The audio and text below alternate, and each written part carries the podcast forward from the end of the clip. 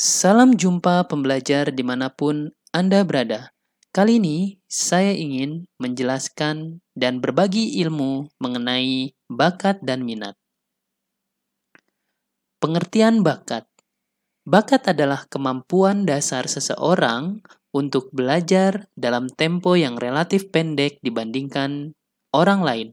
Namun, hasilnya justru lebih baik. Bakat merupakan potensi yang dimiliki oleh seseorang sebagai bawaan sejak lahir. Contohnya, seorang yang berbakat melukis akan lebih cepat mengerjakan pekerjaan lukisannya dibandingkan orang yang kurang berbakat. Jenis-jenis bakat antara lain, yang pertama ada bakat umum yaitu merupakan kemampuan yang berupa potensi dasar yang bersifat umum. Artinya, setiap orang memiliki potensi tersebut. Bakat umum biasanya sudah dimiliki sejak lahir.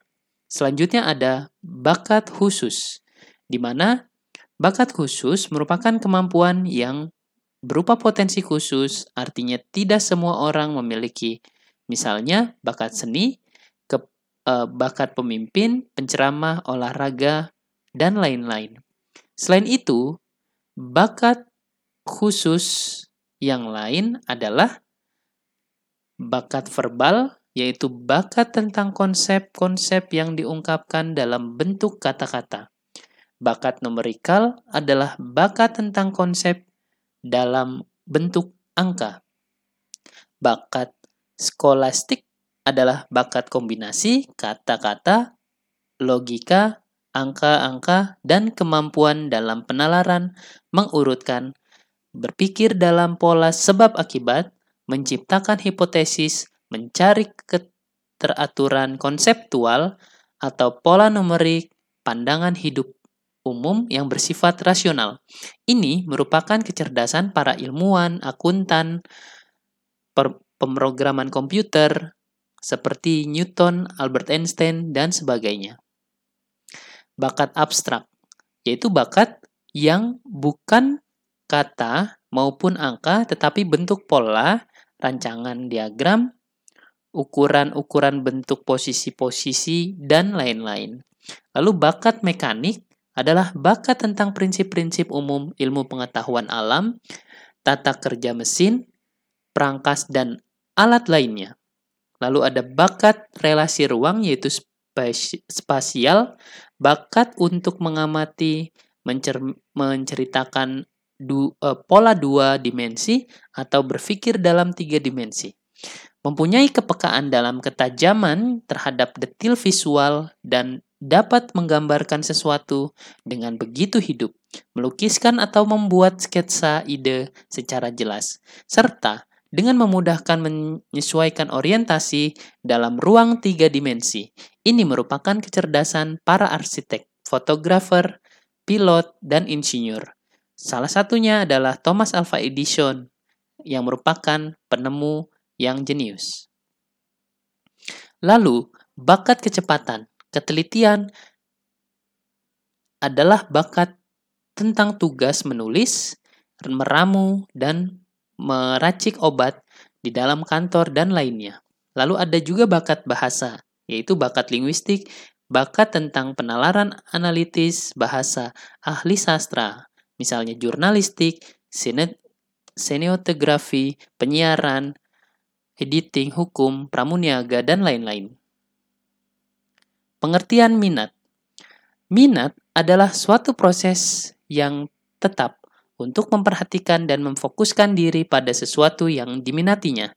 Dengan perasaan senang dan rasa puas, minat adalah satu perangkat mental yang terdiri dari suatu campuran dan dari perasaan, harapan, pendirian, prasangka, rasa takut atau kecenderungan lain yang mengarahkan individu eh, kepada suatu pikiran tertentu. Lalu selanjutnya eh, minat ialah proses pengembangan dalam mencampurkan seluruh kemampuan yang ada untuk mengarahkan individu kepada sesuatu kegiatan yang diminatinya. Jenis-jenis minat ada minat vokasional yaitu merujuk pada bidang-bidang pekerjaan. Minat ini yang biasanya uh, dibuatlah sebagai dasar dari sekolah-sekolah vokasi. Lalu ada minat profesional yaitu minat keilmuan seni dan kesejahteraan sosial. Lalu ada minat komersial yang mana minat ini uh, tertuju pada dunia usaha, jual beli, periklanan, akuntansi, kesekretariatan dan lain-lain. Lalu ada minat kegiatan fisik, yang mana kegiatan fisik ini terkait dengan mekanik, kegiatan e, luar, dan lain-lain. Lalu ada minat aku e, avokasional, yaitu minat untuk memperoleh kepuasan atau hobi. Misalnya, petualangan, hiburan, apresiasi, ketelitian, dan lain-lain. Faktor-faktor yang mendukung pengembangan bakat dan minat yaitu faktor internal, faktor eksternal. Yang mana faktor bawaan internal terkait dengan bawaan genetik, yang mana faktor ini merupakan faktor yang mendukung perkembangan individu dalam minat dan bakat sebagai totalitas karakteristik individu yang diwariskan orang tua kepada anak dalam segala potensi, yaitu fisik maupun psikis, yang diminati individu sebagai pewaris dari orang tuanya. Faktor hereditas sebagai faktor pertama munculnya bakat. Dari segi biologi, bakat sangat berhubungan dengan fungsi otak. Bila otak kiri dominan dengan segala tindakan yang verbal, intelektual, spesial, teratur rapi dan logis, sedangkan otak kanan berhubungan dengan masalah spasial, nonverbal, estetik, estetik, serta atletis. Lalu faktor kepribadian. Faktor kepribadian yaitu keadaan psikologis di mana perkembangan potensi anak tergantung pada diri dan emosi anak itu sendiri. Hal ini akan membantu anak dalam membentukkan konsep serta optimis rasa percaya diri dalam mengembangkan minat dan bakatnya. Lalu faktor eksternal, yaitu faktor lingkungan merupakan olahan dari berbagai bentuk untuk mendukung perkembangan minat dan bakat anak. Faktor lingkungan terdiri terbagi atas lingkungan keluarga, yaitu lingkungan keluarga merupakan tempat latihan atau belajar dan tempat anak memperoleh pengalaman karena keluarga merupakan lingkungan pertama dan paling penting bagi anak. Lingkungan sekolah. Lingkungan sekolah yaitu e, merupakan faktor lingkungan yang mempengaruhi proses belajar mengajar kondusif yang bersifat formal. Lingkungan ini sangat berpengaruh bagi perkembangan minat dan bakat karena di lingkungan ini minat dan bakat anak dikembangkan secara insentif. Lalu ada lingkungan sosial yaitu lingkungan yang berhubungan dengan kehidupan masyarakat. Di lingkungan uh, ini anak mengaktualisasikan minat dan bakat kepada masyarakat. Cara mengembangkan bakat yang pertama perlu keberanian. Keberanian membuat kita mampu menghadapi tantangan atau hambatan baik yang bersifat fisik dan psikis, maupun kendala-kendala sosial atau kendala lainnya. Keberanian akan memampukan kita melihat jalan keluar berhadapan dengan berbagai kendala yang ada dan bukan sebaliknya, membuat kita takut dan melarikan diri secara tidak bertanggung jawab. Perlu didukung latihan. Latihan adalah kunci keberhasilan.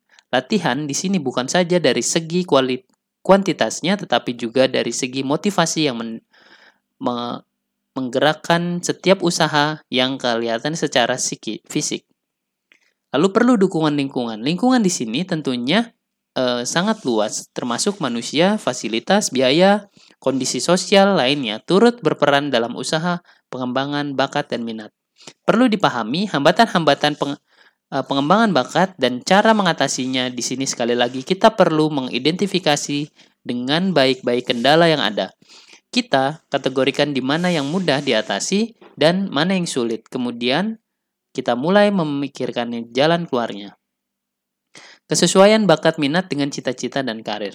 Bakat dan minat adalah sesuatu ketertarikan dan kemampuan khusus yang dimiliki oleh setiap individu. Minat adalah uh, minat dan bakat ini dapat berkembang dan tampak menonjol bila mana dilakukan latihan secara terus-menerus. Minat dan bakat yang berkembang selain mendukung cita-cita karir dapat juga menjadikan sebuah potensi atau hambatan bagi si pemiliknya bila berkesempatan untuk dikembangkan. Lalu bagaimana dengan minat dan bakat yang kita miliki, tentunya kita harus bisa mengembangkan dan mencari tahu dengan melakukan pengukuran. Terima kasih. atas kesempatan yang diberikan. Kali ini sampai jumpa.